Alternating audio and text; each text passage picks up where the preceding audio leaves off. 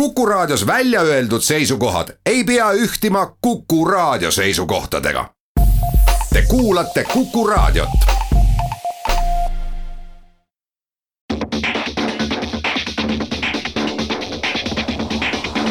autotund. see on saade sulle, kui sul pole päris ükskõik, millise autoga sa sõidad. tere kuulajad kui kuulate Kuku raadiost, siis on kahekümnes august. Teile kõigile head taasiseseisvumise päeva. meie lindistame seda lugu eelmisel päeval, me veel ei tähista. aga vaatame nagu tavaliselt otsa autouudistele. seejärel vaatame otsa üle lahe, mitte üle lahe, üle ookeani toimunud suurele autoshow'le, kokkutulekule, oksjonile ja võib-olla saate lõpus jõuame ka ühest proovisõidust rääkida, mis on samuti pärit üle ookeani. stuudios on Sulev Ladva Autogeeniusest ja Tarmo Tähepõld Autogeeniusest. tere.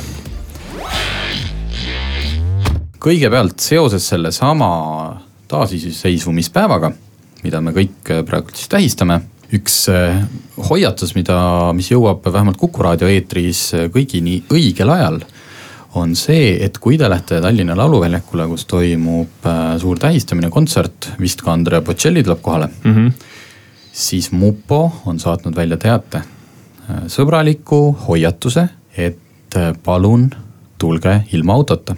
kasutage ühistransporti, kasutage jalgsi, rattaga, kuidas iganes. aga kui te tulete autoga, siis olge valmis selleks, et Mupo on väga karmilt kontrollimas just seda, kuhu autot pargitakse. sest teadupärast on lauluväljaku ümber palju remonttöid ja selliste suurürituste puhul kipuvad inimesed unustama ära igasuguse parkimiskorralduse. Äh, põhiliselt puudutab see haljasalasid. eriti kuna praegu on olnud väga palju vihma, siis Mupa ütles, et iga murule haljasalale sõitev auto teeb väga palju kahju. ja selles mõttes kehtib nulltolerants, nii et äh, palun parkige õigesti, siis saame paremini tähistada. ja on öeldud ka, et lauluväljak paraku Lasnamäe poolsesse väravasse on loodud uued suured parkimisalad, mis mahutavad rohkelt autosid.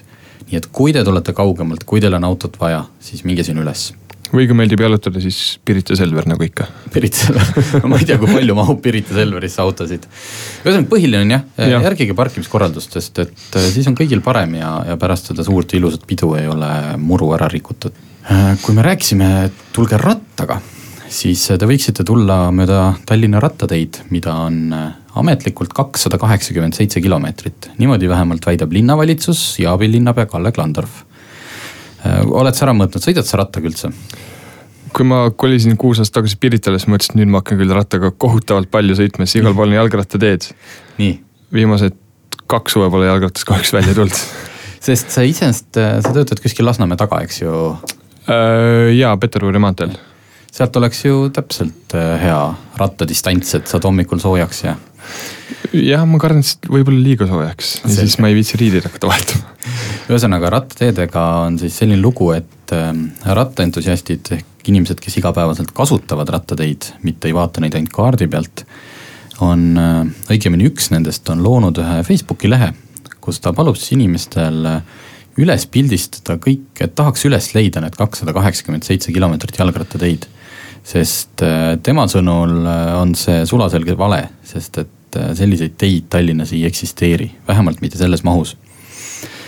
Hmm.. et jalgrattateedeks on seal arvestatud erinevad kõnniteed, siis linnavalitsus peab tema sõnul rattateedeks ka neid teid, mis on lihtsalt valge joon, mis on tõmmatud sõidutee kõrvale, kus tihti pargivad autod, kus on augud, kus on liiklusmä-, ajutised liiklusmärgid paigutatud ühesõnaga selle Facebooki lehe eesmärk äh, iseenesest ei ole nagu otseselt kellelegi ära panna, vaid äh, järjekordselt juhtida tähelepanu, et, äh, et Tallinnas on rattaga liikumine väga halvasti.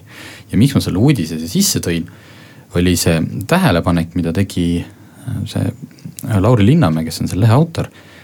et mõned aastad tagasi, kui ta oli natukene seotud peatänava projektiga siis äh, tõesti andis seal nõu kellelegi. ta oli ise ka väga, väga selline suur autosõber. ja ütles, et ta niimoodi omavahel sõbralikult nimetas ka neid peatänava inimesi siukest Tallinna rattahulludeks. et noh, noh ei ole vaja Tall-, noh Tallinnas ei ole võimalik rattaga liigelda ja, ja nüüd mõned aastad hiljem on ta peaaegu teinud, mis see siis on saja kaheksakümne kraadise kannapöörde on see, kui sa lähed täitsa teist. just, täpselt. Ja ma tabasin ennast mõttelt, et ka mina, minust, kes ma sõidan kogu aeg autoga, kes ei ole samuti kaks aastat ratast välja saanud. minust on saanud paadunud ratturite ees, eestkõneleja. aga kõigile, kes te praegult vihastasite, et jälle need pagana ratturid oma agendaga ja nad ei oska üldse sõita ja nad on ülbed ja nad lendavad sulle igal ristmikul ette. jah, on ka selliseid. aga palun, kui te olete sihuke autosõber nagu mina, kujutage ette, kui kõik inimesed sõidavad rattaga, käivad jalgsi, siis jääb meile ju palju rohkem ruumi.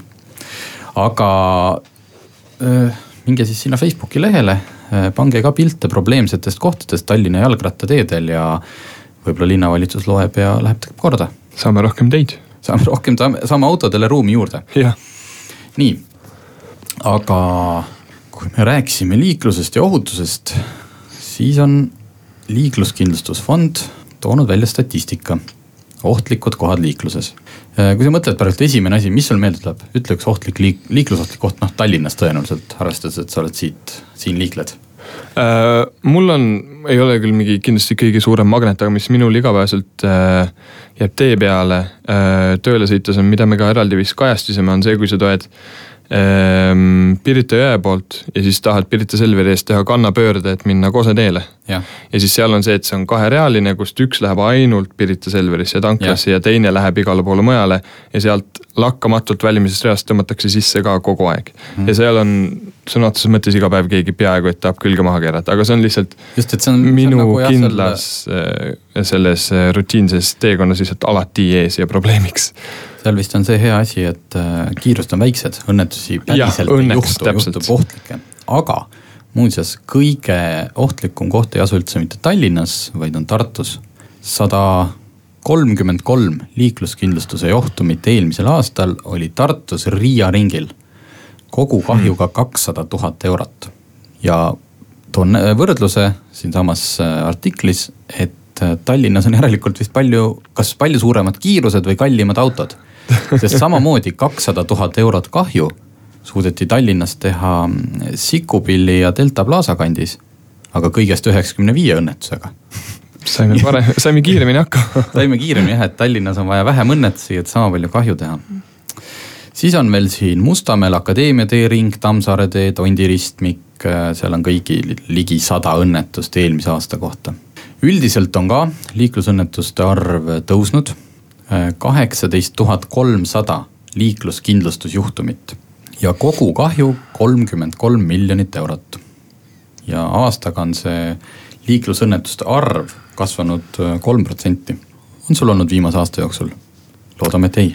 Õnneks mitte. ka mina olen, ka mul on õnnestunud äh, vältida, õigemini mul on ühe korra tagant sisse sõidetud.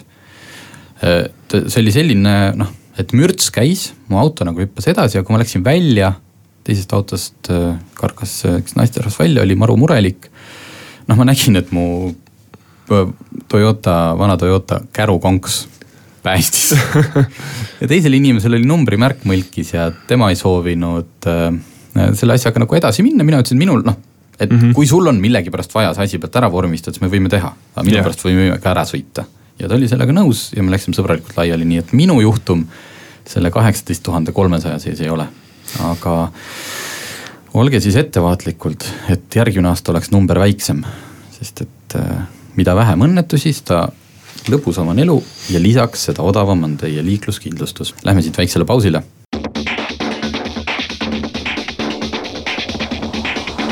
autotund.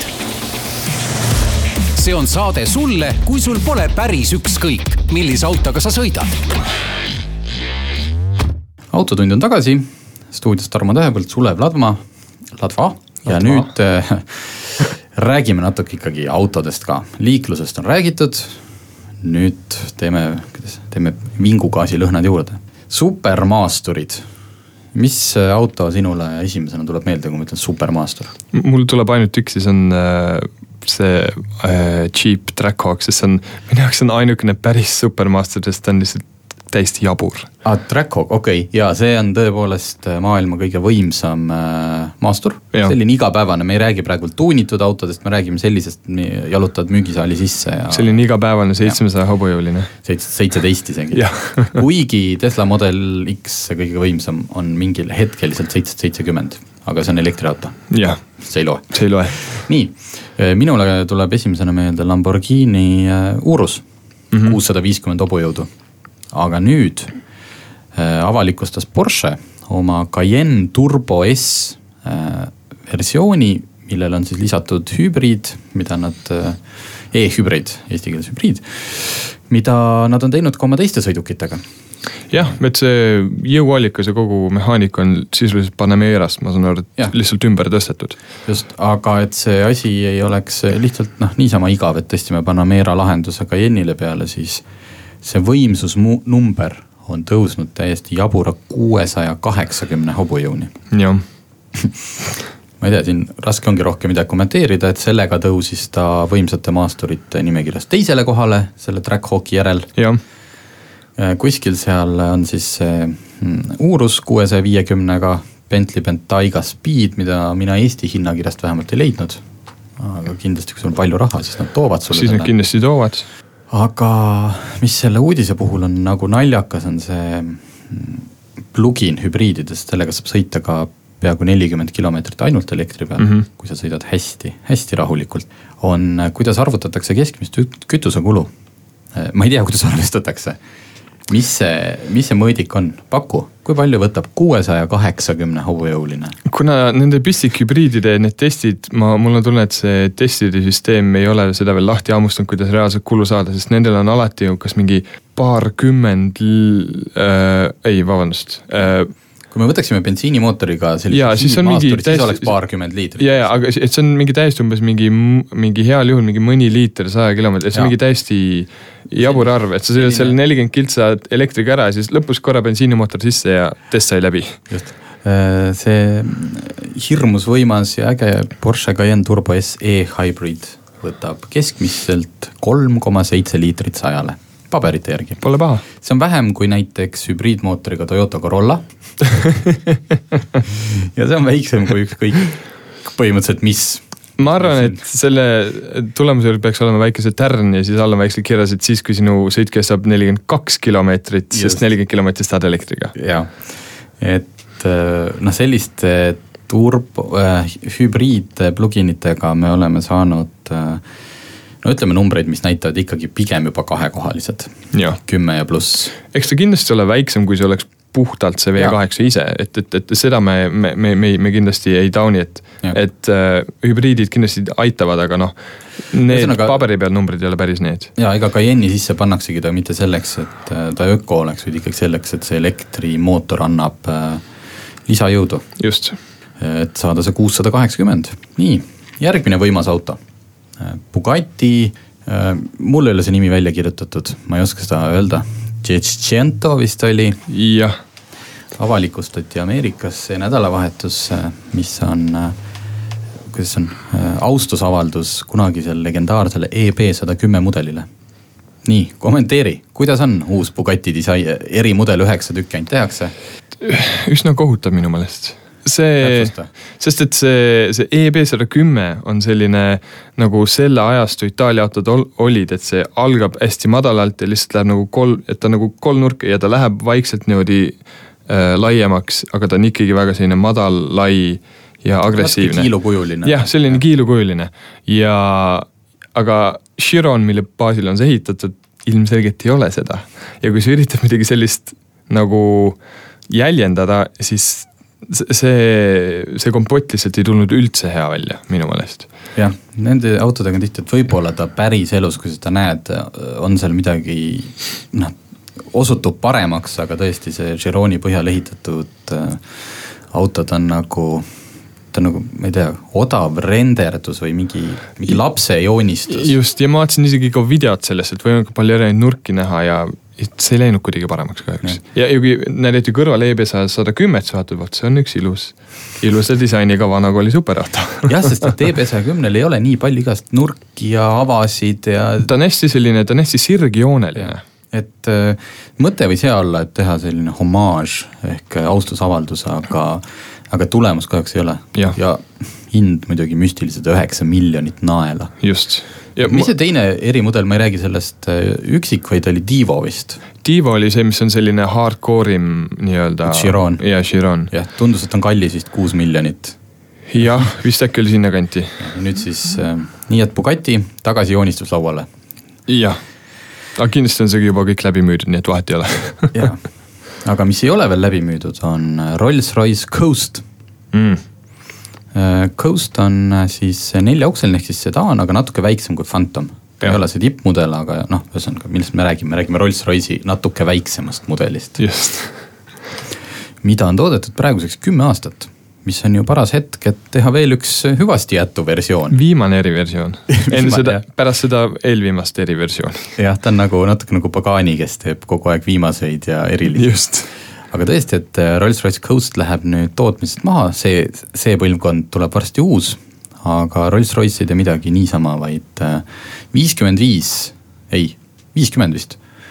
Äh, erimudelit nimega Zenith tehakse. Need baseeruvad kontseptautol, mis enne, enne seda Coast'i esitleti mm. -hmm ja pidi olema üks kõige rohkem, kuidas ma ütlen, ümber ehitatud Äh, Rolls-Royce'i erimudel üldse. selles mõttes mootor ja tehnoloogia on puutumata, aga nagu need on, need on siuksed kunsti, kunstiteosed. et mis sinna tehtud on siis, on sul, äh, kas loetlen ise või, või, või hakkad sina selle mis on autosõiduks oluline, et Rolls-Royce'il on, äh, lahendus on see, kus on tae, laes on hästi-hästi palju väikseid LED-tulukesi eri suuruses, mis, mis on nagu tähistaevas. just. aga see ei ole tavaline, see on, see on tavaline. ma just tahtsin öelda, et Rolls-Royce'il on see muidu ju ka aga nüüd on sinna sisse pikitud mõned langeva tähe motiivid. et aga kas sa siis saad iga kord soovida ka midagi või? muidugi, sa soovid omale uut coast'i äh, no siis on tehtud veel näiteks selle eelmise või selle kontseptauto äh, see joonised on graveeritud äh, metalli sisse. ja need metallid on viiskümmend tükki, igas ühes on osa sellest kontseptauto disainist ja, ja kui sa ostaksid näiteks kõik need viiskümmend eri mudelit, siis sa saaksid ühe terviku omale nendest kokku. ma arvan, et need, need omanikud teevad oma klubi ja teevad iga aasta kokkutuleku, kindlasti. ja siis see Spirit of Ecstasy ehk see kapotikujuke, mis kontseptautol oli. see on üles sulatatud ja sellest on tehtud väiksed mälestusplaadikesed, kus on peal siis nüüd selle erimudeli järjekorranumber mm.. ja kui tundub, et ma olen siin kõige üle nalja teinud, siis tegelikult mulle kohutavalt need Rolls-Royce'i erimudelid meeldivad. see on nii kihvt, et ei üritata seal, et paneme veel mingi kakssada hobujõudu ja siis hiid, noh, ma ei tea mida iganes nagu teeb see Bugatti. ja nad on omas aspektis on nad minu arust jah väga ägedad, et see, kui peensusteni võib minna ja, ja mitte üldse mingi mehaanikaga, vaid lihtsalt, et see, need väiksed detailid luksus, mis Rolls-Royce'i klientidele nagu on tähtis, et see on äh, päris hämmastav. no see, kui sa auto teed kohe valmis, õige, õige ja hea, siis ülejäänud kümme aastat sa saad äh, lihtsalt sellega mängida. täpselt. kunsti teha nii, aga läheme nüüd pausile ja kui tagasi tuleme, siis oleme me juba otsapidi Ameerikas.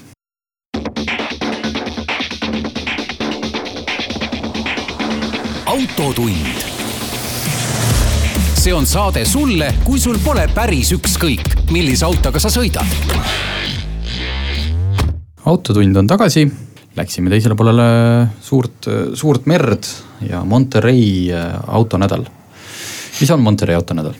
Äh, Californias toimuv põhimõtteliselt kõige, ma kujutan ette, see on üks kõige kallimate autodega autoüritus üldse et äh, seal on. Äh, ruutmeetri kohta on kõige rohkem kallid autod. jaa, siis seal on see Concours d'Elegance, mis on see äh, peenete, kallite vanade autode näitus, siis seal on erinevad need nii, nii-öelda rallid, kus nad kõik ühiselt sõidavad ja autonäitused. et seal on kõik ühte nädalasse pressitud ja kõik rikkad inimesed tulevad korraga välja. jah, ma mõtlesin just, et kui ma käisin see nädal või see nädal suvel seal Goodwoodi kiirusfestivalil siis tundus, et noh no,, ma olen nüüd sattunud nagu paradiisi ja sellest kõvemat mm -hmm. kohta ei ole, siis kui ma olen nüüd äh, jälginud natuke seda Monterey autonädala sündmusi, siis tundub, et äh, bucket list'i lisandus äh, järgmine, järgmine üritus. oi kindlasti, see on mul juba mitu aastat olnud jah see lihtsalt on nagu selline, et noh, noh odavat võimalust minna Monterey autonädalal ilmselt ei ole, et sinna läänerannikule minek juba aga võtame siis järjest läbi, mis seal toimus, et äh, natuke kuulajat äh, valgustada. Kõigepealt see, mis sa ütlesid, see Pebble Beach Concours d'Elegance. ütlesin väga mitu sõna järjest.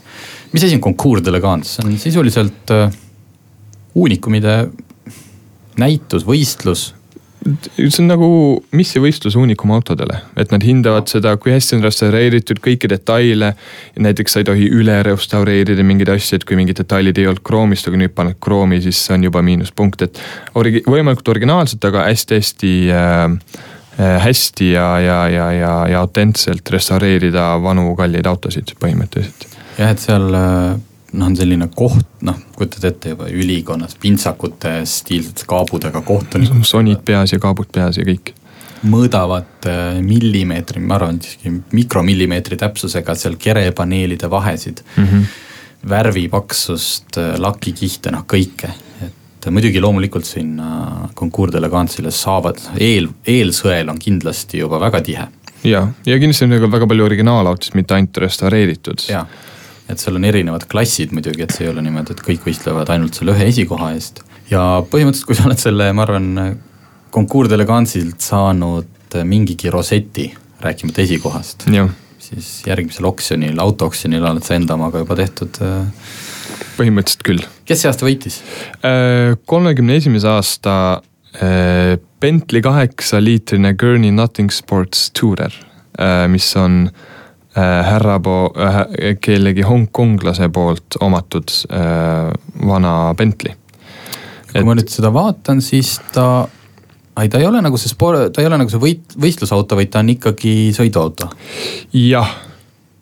lahtine see peaks olema küll, e-, e-, ta, ei ole see, need leged-, legendaarsed kaheksaliitrised võidusõiduautod mm, -hmm. mis on hästi kuulsad Bentley'l aga ta ei ole ka selline väga noh, tohutu luksuslik katusega hiid, mingi ta on siukene vabandan kõikide autoentusiastide ees praegult, vana autoentusiastide, aga näeb välja nagu vanaaegne auto.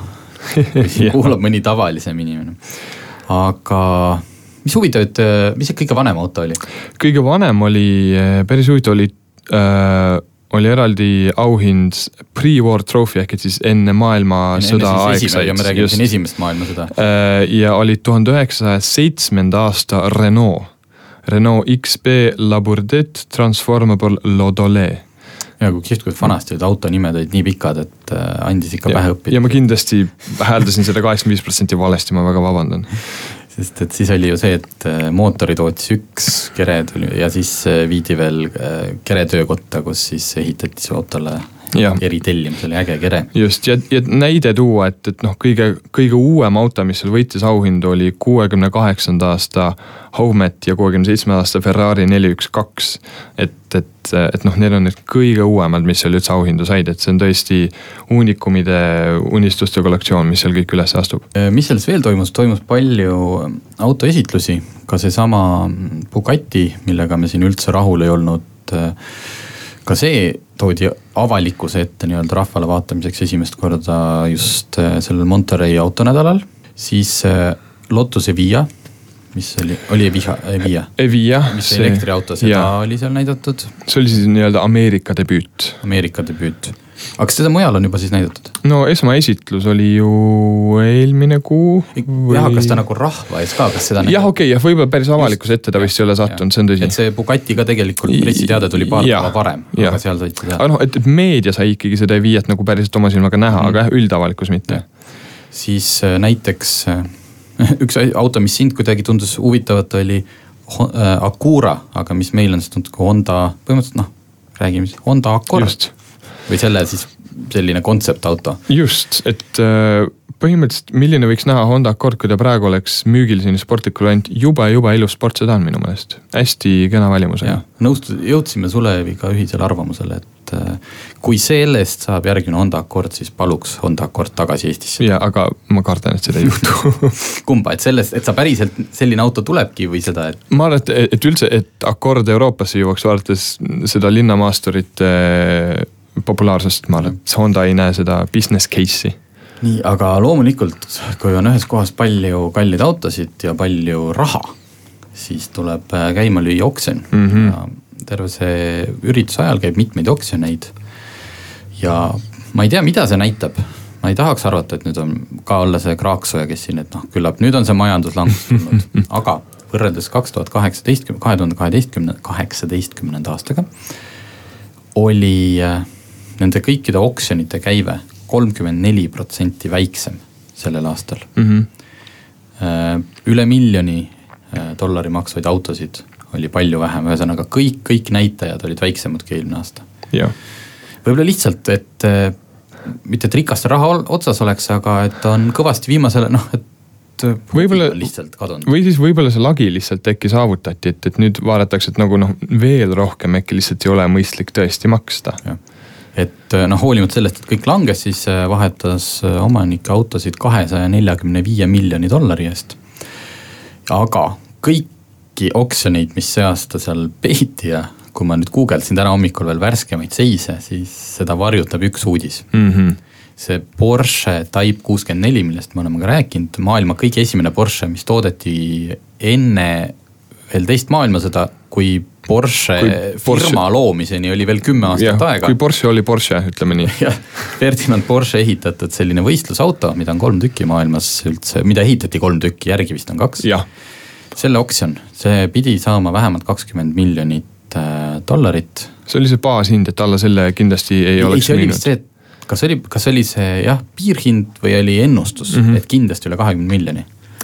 seda ei müüdud ära, miks seda ei müüdud ära? sest et seal oli mingi täielik error kuskil nende süsteemides. vot mina ei olegi nüüd lõpuni aru saanud, kas, kas see oli ka põhjus, miks ei müüdud. ühesõnaga juhtus selline asi, et äh, oksjon algas, sellest on netis ka videod ja esimene pakkumine ilmus ekraanile kolmkümmend miljonit dollarit mm. -hmm muidugi terve see oksjonisaal oli ahetas, vah-, naerdi, plaksutati ja siis hakkas kerkima siis tuli viiskümmend. kolmkümmend, viiskümmend, siis hakati viiesaja tuhandena umbes viis või viiskümmend miljonit, viissada tuhat ja noh, niimoodi.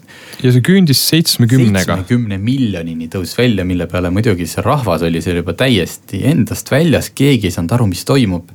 et see estimate mm -hmm. oli ju kakskümmend miljonit, muidugi võib see auto vahetada, võib-olla see ongi seitsekümmend miljonit väärt aga et mingi nii palju pakkujaid tõstavad ja siis oksjonipidaja ütles, et vabandas, et minu hääldus vist on kehv, mind on valesti kuuldud, esimene pakkumine oli kolmteist. ja viimane on seitseteist. ehk siis thirteen ja thirty ja seventeen ja seventy. just. ajad, ajad, ühesõnaga, kes neid numbreid sisestas, see ajas sassi. nii et äh, ühesõnaga see hind tõusis seitsmeteist miljonini. see on äh, Sotheby's oksjonimaja üks piinlikumaid juhtumeid, et see asi niimoodi sassi läks. just äh, millegipärast netis mina, mina ise isiklikult võib-olla seda traagikat nii väga ei tabagi, sest et ikka juhtub ja nagu ma ei tea, korraldage siis, ärge karjuge neid numbreid niisuguse kiiresti ja pikalt. kontrollige üle. just, aga nii ta juhtus ja see auto jäi müümata, kahjuks. Aga või õnneks, nüüd on sul endal kunagi võimalus. jah teeme väikse pausi ja siis äh, lähme autotestiga edasi.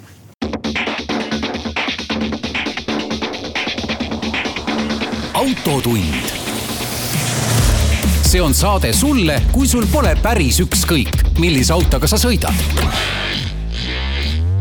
autotund on tagasi rääkisime just sellest oksjonist, äh, leidsin veel ühe fakti, et ähm, üks kollektsionäär, kes on millegipärast, tema oli nende kurjade hulgas kes leidis, et äh, Sotheby's oksjonimaja on äh, ikkagi tõelise skandaali väärt mm -hmm. teoga hakkama saanud. ütles millegipärast sellise lause, et, et tema isal oleks olnud võimalus Porsche osta juba aasta tagasi mingi tühise viie miljoni eest, aga keegi ei taha seda nagunii väga intrigeeriv väide, aga noh, võib-olla ta lihtsalt bravuuritses, et see auto ei olegi üldse nii palju väärt, kuigi nagu me tookord mainisime, maailma esimene Porsche yeah.. et äh, kuidas sellele ometi tormi joosta. aga, aga veel lõpuks, et äh, oksjonil lõpuks kõige kallim auto, mis sellel oksjonil oli, tead sa? mis siis, mis siis lõpuks nagu rekordi tegi või maha müüdi äh,? äkki, see McLaren F1 GTR? Äh, mitte GTR, vaid ta oli see LM spec. jah, LM spec. auto, autoga pandi täkkesse üks kahest tänavakõlbulikust LM spetsifikatsioonist, ühesõnaga sellest tava. ja see vist ka Audetit läheb üle kahekümne, aga oli vist. kakskümmend kuni kakskümmend kolm. aga oli seitseteist äkki? eurodes seitseteist miljonit yeah., dollarites oli see üheksateist. selles suhtes see ei ole kindlasti odav, aga, aga, aga, aga ma arvan, et jah, et võib-olla see lagi on saavutatud, kui juba arvatakse, no see läheb kindlasti üle kahekümne milli ja siis jääb kolm puudu, et siis äh, mm. -hmm. äkki ongi nüüd mull lõhkenud uunikumidel. nii, aga autotest sõitsin seekord mina. Ma ei tea, Sulev saab mult küsida, kui tal tekib küsimusi, et auto oli tõepoolest huvitav. kindlasti tekib. jah, see ei olnud äh, McLaren F1, ei olnud ka Porsche, see oli, küll aga oli auto Ameerika mandrilt, Jeep Wrangler äh kas oli see, kas nad enam üldse teevad neid kahe või kolmeukselisi? teevad küll, jaa, on lühikest versiooni ka. aga see oli pikem? see oli pikk, see oli mm -hmm. viieukse või siis jah, tavaline. Jeep Wrangler, äh, infoks kõigile, et tegemist on sellise päris maasturiga. Muidugi, pooled ameeriklased sõidavad äh, nendega linnas jätkuvalt. muidugi. aga ülejäänud pooled äh, Wranglerid kasutatakse väga-väga sihtotstarbeliselt. Need on kõikide sellist lemmik päris off-road autod millega saad äh, tavaversioonis, ehk kui sa temaga sõidad esindusest välja, minna väga sügavale metsa, aga siis tõstetakse neid kõrgemale võimsamaks vedrustus ja minnakse ikka väga kriisidesse kohtadesse. just, et see on minu meelest kõige lihtsam analoog on Euroopas on Land Rover Defender, siis usakatel on, on see Jeep Wrangler, et see on täpselt selline, et nagu lähed ükskõik kuhu ja see auto põhimõtteliselt läheb sealt läbi just, ja kuigi see uus mudel tuli juba eelmine aasta, siis Eestisse tema autona jõudis ta nüüd. ja ma pean ütlema, olin väga põnevil ja pean ka ütlema, et üldse ei pidanud pettuma. mis mootor oli? mootor oli diisel, kahe koma kahe liitrine diisel. Eestis saad sa seda ka kaheliitrise turbomootoriga, Ameerikas on seda ka V6 Pentastaariga ja kunagi tuleb ka ilmselt hübriid. mis on eriti mõistlik. aga minul oli diisel ta on täpselt selline auto, et äh, mõndade autodega on sul ootused maru kõrgel ja teistega maru madalal ja kui sa lähed Ameerika äh, maasturiga, mis on sihtotstarbeline, kuidas ma ütlen, utilitaarne väidetavalt lihtne auto, siis on sul ootused väga-väga madalal. jah, kindlasti. sa eeldad, et maantee peal ta hüppab, põrkab, karjub, röögib, tuulemüha ja kõik. ja siis sa lähed selle Jeep Wrangleriga maanteele ja mitte midagi sellist ei ole sõiduautona kui sa oled suur maasturisõber ja tahad mütata ja samas sul on vaja iga päev ikkagi sõita ka nagu normaalne inimene. käia poes, sõita Tallinnast välja, ma ei tea, ämma või vanaema juurde ja täiesti tehtav, sa mm -hmm. ei mhm. pea mitte midagi ohverdama. peale raha muidugi. või noh, selles mõttes, et sõidumugavust ei ole niimoodi, et ma ei tea, issi ostis omale Wrangleri ja nüüd pere peab piinlema. ja, et nagu klassikatel näiteks on see tagavedustus on jube jäik, vaata, et tegelikult sellega mugav ei ole sõita. kõik undab ja ei ole, et see on mm -hmm. täiesti normaalselt sõidetav auto. et see oli esimene üllatus, mis on äge selle auto puhul, mida teised ei paku. Defenderit noh, vaata pealt osta ei saagi, võib-olla selle mingid versioonid ka seda lubasid mm. -hmm. põhimõtteliselt saad sa auto juppideks lammutada kõigepealt saad sa hästi lihtsalt ära võtta kaks katusepaneeli juhi ja kõrvalistuja kohalt no need mahuvad pakiruumi, siis sa saad ära võtta kogu tagumise katuse, mis on kahe mehe töö ta on sihuke suur plastikust, noh see yeah. kobakas. kõik käib nii peenelt, et sul on äh, need esimesed käivad lihtsalt ära, tagumisi tuleb kruv- või seda tagumist katust tuleb kruvida ja taga põhjakatte all on ilusti augud, kuhu sa need kruvid saad siis panna niimoodi hoiule et jumala eest midagi ära kaoks. just, täiesti ju, täiesti Praktiline. loogiline kus sa neid stopid taskusse ja äh, kui sellest ei piisa, siis on sul jäänud järgi selline noh, see on nagu pagidel, sihuke toruraam on sul. vägev, nii, kui sellest ei piisa, siis sa võid eest ära võtta ka uksed. jälle neli bolti lahti ja tõstad ukse eest ära, samamoodi kuskil neid panna ei ole, kui sul garaaži ei ole. toetad maja servale. või paned puunaela metsas. just ja kui ka sellest on vähe, siis võid ka ära võtta esiklaasi. esiklaas vist nüüd eh, hingega langeb vist kapoti peale. ma isegi teinud, ma nii kaugele ei läinud okay., ma jätsin uksed külge, ma tõstsin küll ära selle tagumise katuse. noh ma ütlen, et Eesti tingimustes äh, sa võid seda teha, kui sa näed, et järgmised kolm päeva ei saja. jah, aga see on ikka. tõesti see üks päev ja lähed ja. eks see ole siis korralik töö. ta on, ta on suur töö ja ma ütlen selle tagumise kasti osas, kui sul just ei ole mingit erilist süsteemi välja mõeldud, siis sa pead kahekesi tegema seda mm. -hmm. aga kui see tehtud on, no siis see auto on ikka jumala badass see oli veel must ka, see oli must sihuke toruraamist koosnev nagu Max noh. siis sihuke nagu kestratastel ja lihtsalt Just, sõidad. ja, ja sõidad igal pool ma käisin sellega Mustjõe maastikualal, muuseas kõikidele maasturisõpradele. ärge minge mingi põllumehe viljapõldu rappima või kellegi tahaaeda või veel looduskaitsealale. minge Kõrvemaale, mis on muidugi looduskaitseala, aga pange sisse Mustjõe neli korda neli maastikurada. muidugi profid maasturi inimesed teavad, aga kes ei tea, seal on RMK ise ehitanud sellise või valmistanud äh, liivast, paksust liivast koosneva väga nõudliku maastikuraja mm. -hmm. sa võid sealt tsikliga, ATV-ga, maasturiga, ise vastutad, ise teed, aga nagu üks koht, kuhu sa saad siis päriselt minna ja ennast tühjaks sõita või harjutada või oma maasturit proovile panna. see on küll kihvt. ja, ma selle sain ka nüüd teada, see on tasuta. see on ise noh, ise lähed, ise vaatad, et sa seal kellelegi otsa ei sõida. ma korra käisin, mm, oli pühapäeva õhtu, ma olin üksinda ja sellel proovisõiduautol olid äh, tavalised suverehvid all. et tal ei olnud nagu maastikurehvi ja, ja kippus nagu vihmale. nii et selles mõttes loomulikult minu julgus sai ennem otsa kui selle auto võimed. aga need kohad, kust ma läksin, milliseid tõuse ja, ja kui paksust nagu sellest liivast äh, ma selle Wrangleriga läbi läksin, see oli päris veenev. et ilmselt tuleks veelgi, mul lihtsalt ma noh, kui sa oled üksinda kuskil Kõrvemaal pühapäeva õhtul ja sa oma selle proovisõidu Wrangleri kuskile kinni ajad, siis. siis ei ole väga midagi teha. sa ei ole jah kellegi võib-olla kõige suurem sõber, kui sa siis hakkad ja kellele sa siis helistad. ja kui ei ole mingit sellist eh, neli, off-road sõpra kohe varast võtta, kes paneb oma Defenderi iga nädalavahetus ringi, siis äh, jah. no on see neli korda neli eh, abi. jah, okei. kutsuda, aga ühesõnaga äh, väga positiivne üllatus muidugi selline auto, millega mina sõitsin, maksis viiskümmend neli tuhat eurot mis ei ole tänapäeva auto. tegelikult see ei ole üldse, üldse väga hull, arvestades, mis sa saad selle eest. millist fun factor'it yeah., pluss kõik luksus on ka olemas. Äh, adaptiivsed püsikiirushoidjad, Bluetoothid, ilus ekraan, ükski nupp mind ei häirinud, et mm -hmm. noh, et odav ja plastikune, nii et jumal tänatud, väga meeldiv üllatus, et ma ei pidanud siia tulema ja hakkama rääkima kehvadest Ameerika autodest. nii, aga meie saateaeg on juba ammu läbi, ilusat äh, vabariigi või taasiseseisvumispäeva teile. palju õnne